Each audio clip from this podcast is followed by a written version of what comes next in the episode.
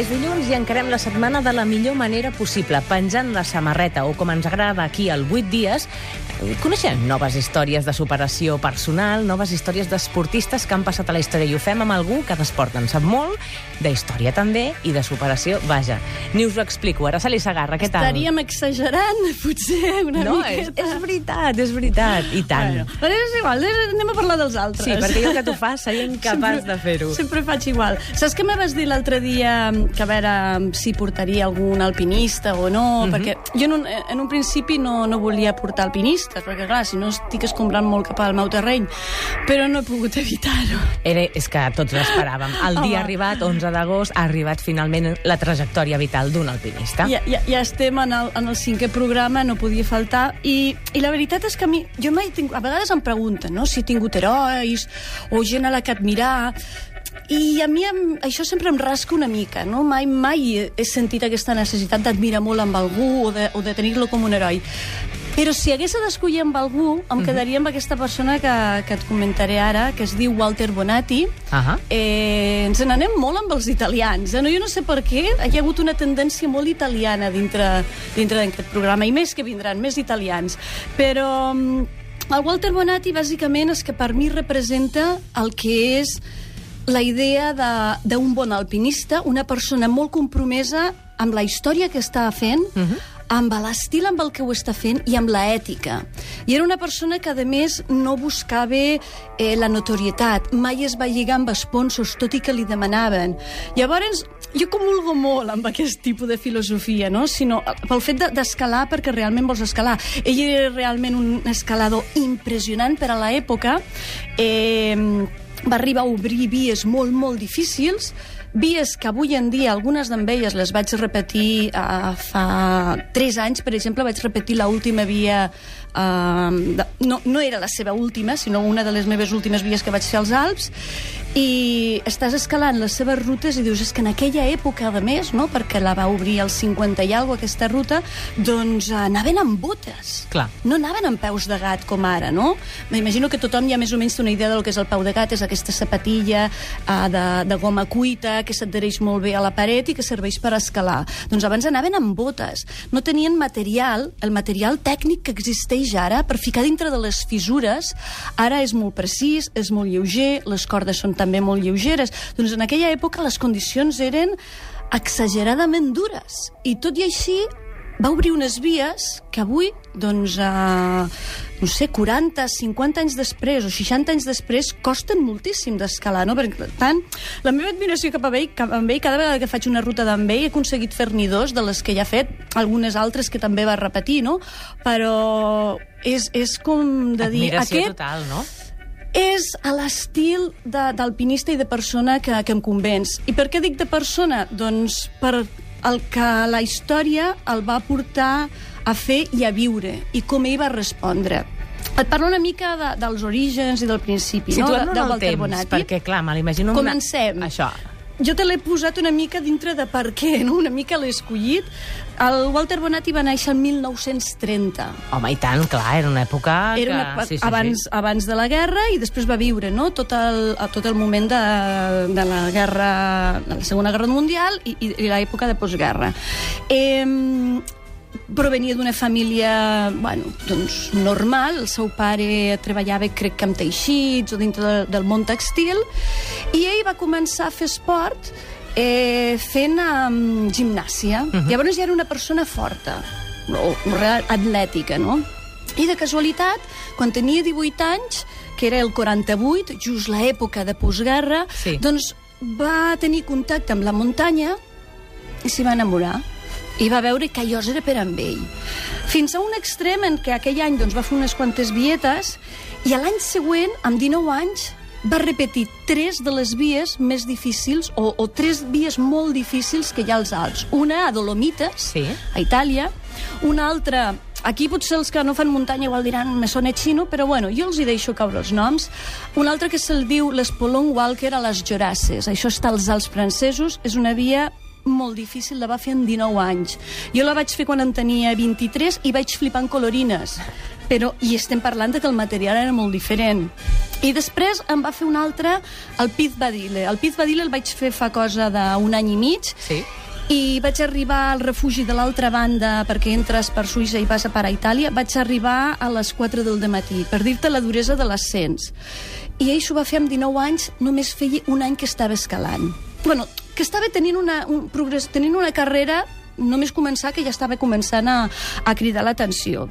Llavors uh, un parell d'anys després mm, que ja en devia de portar quatre, va obrir una via que era un espolón molt difícil, que ningú aconseguia obrir-lo, i va arribar a les portades del diari. No? Això és una via que se'n diu la Bonati al Caputxent, que està també a, a la zona del Montblanc, als Alps. Els Alps era el seu pati, el seu pati de jocs. I arrel de, de fer algo que, que ja entrava en el món dels diaris. T'he de dir que en aquella època de postguerra, a l'esport, es considerava eh, una, un útil polític a vegades uh -huh.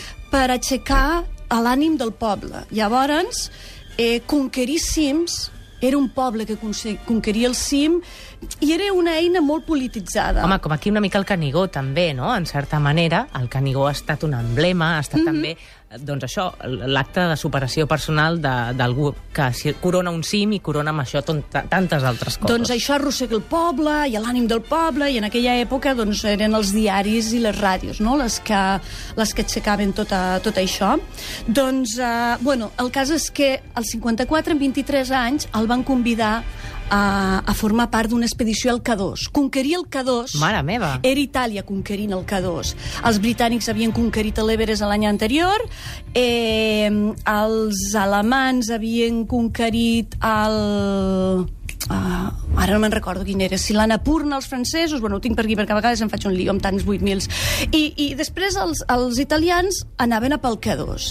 I aquí va haver-hi la història més dura de la seva vida, i és que en un moment donat eh, ell formava part de l'equip, hi havia dues persones, eh, la l'Anxadelli i el Campagnoli, que anaven cap a cim, uh -huh. i estaven situats en el Camp Nou. En aquella època hi havia més campaments que ara. Es, va, es van situar en el Camp Nou. I, I ell havia de pujar amb un portejador pakistaní carregant botelles d'oxigen. El cas és que va pujar i molt tard, bueno, se'ls va fer tard perquè portaven motxilles de 19 quilos Impressionant. i quan van arribar al Camp Nou de nit a les fosques enmig d'una tormenta no van trobar el campament.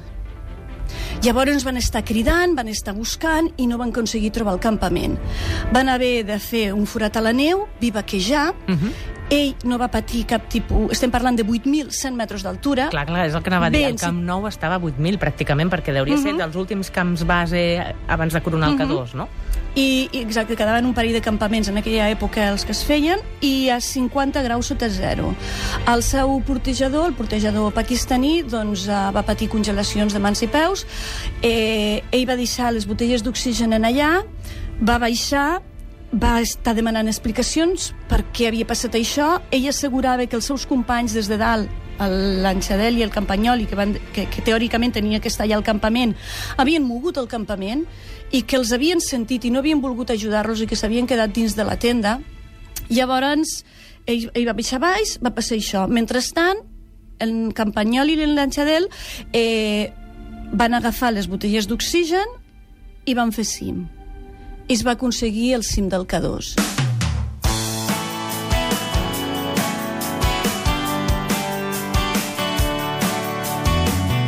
Avui, al 8 dies de la setmana, a Catalunya Ràdio, en aquestes tardes, pengem la samarreta i podríem dir d'un alpinista amb noms i cognoms, d'aquells que ha posat nom a les vies. Walter Bonatti, al costat de l'Araceli Sagarra, algú que també diu que hi ha un petit mirall, eh? per aquí, un mirall on reflexar-s'hi mm -hmm. o algú en qui admirar. En aquest espai que ens agrada tant parlar de superació personal, som al cim del K2 ara mateix. Som al cim del K2, però amb una gran sensació de, de traïció. Sí. Perquè quan en, en Campanyol i Llançadel van baixar uh Mhm. -huh. al camp base, el primer que van fer va ser acusar el Bonatti d'haver consumit part de l'oxigen i que ells havien hagut de fer els últims 200 metres sense oxigen.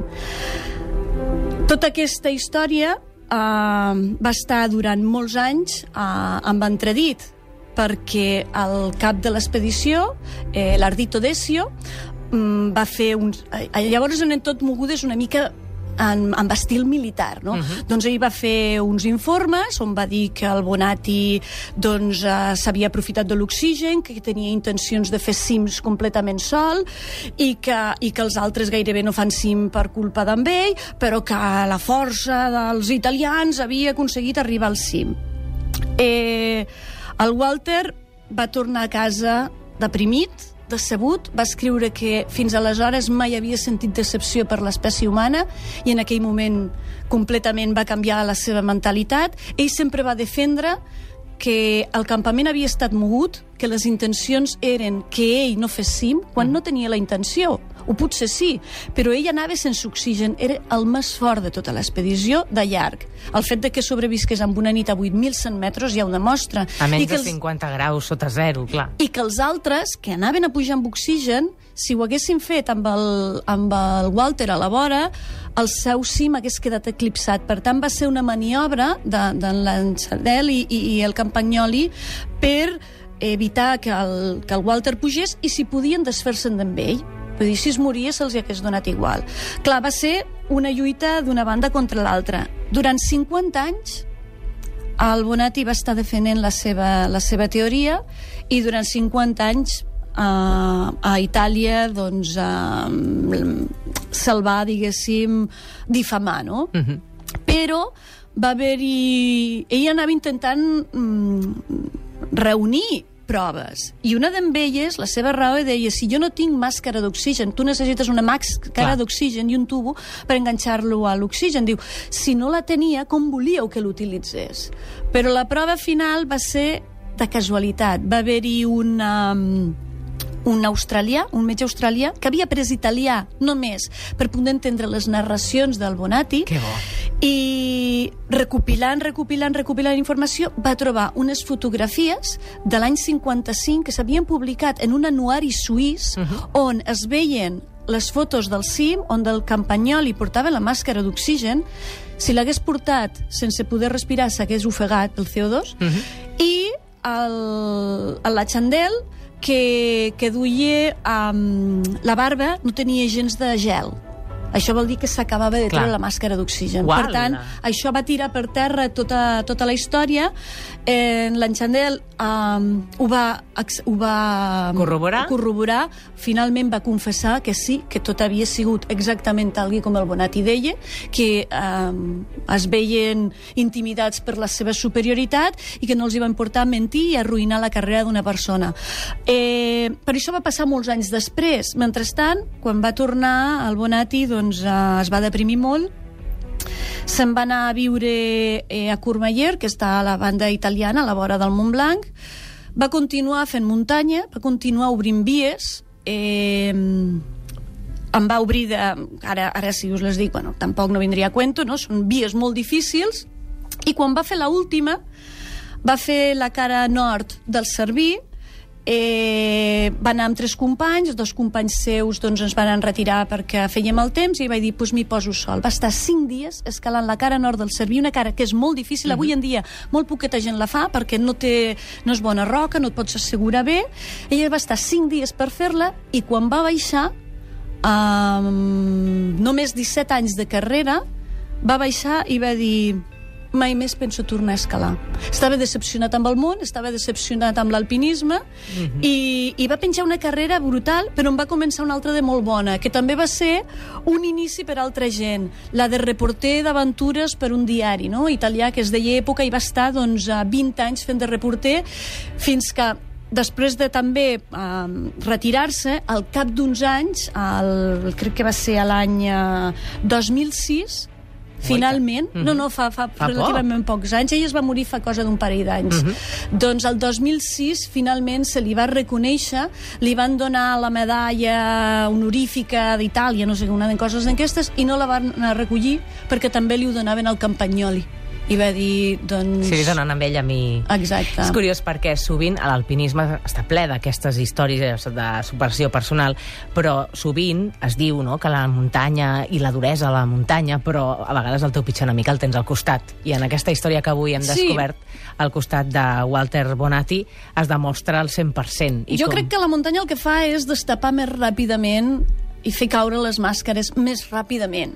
Carai. perquè en qüestió d'un parell de mesos pots veure, no?, de Mhm. quina fusta està feta, estan fetes algunes persones. Però les màscares les porta tothom. Ja les porten en una ràdio, no?, Sí. o les porten en un grup de música, o les porten en qualsevol oficina, no? Hi ha gent que... Trobes bona gent i gent uh, que no és tan maca a tot arreu, no? A vegades classificar-ho de quin mitjà és on es troba, doncs uh, som éssers humans, no? De bons i dolents. Avui hem saltat per diferents terrenys, fins i tot també èpoques, però hem desmascarat aquesta realitat sí. quotidiana. Que bonica aquesta història de És molt Salim. maca perquè finalment eh, ell, com que lluitava i aguantava, i no es va donar per vençut, però sí va tenir, no? I està bé també dir-ho, que a vegades et decepciones de la vida, et pots decepcionar de la gent, no pot, no pot ser sempre vendre pel·lícules de color de rosa, no? No, uh -huh. sóc molt feliç i sempre tot em surt molt bé. No, de vegades les coses no en surten bé i també, no? Gent molt forta pot, pot esfonsar-se. Avui ha estat al costat de Walter Bonatti, que hem penjat la seva samarreta amb la Raceli Sagarra. Moltes gràcies, guapa. Fins la setmana que ve. Ah, adéu.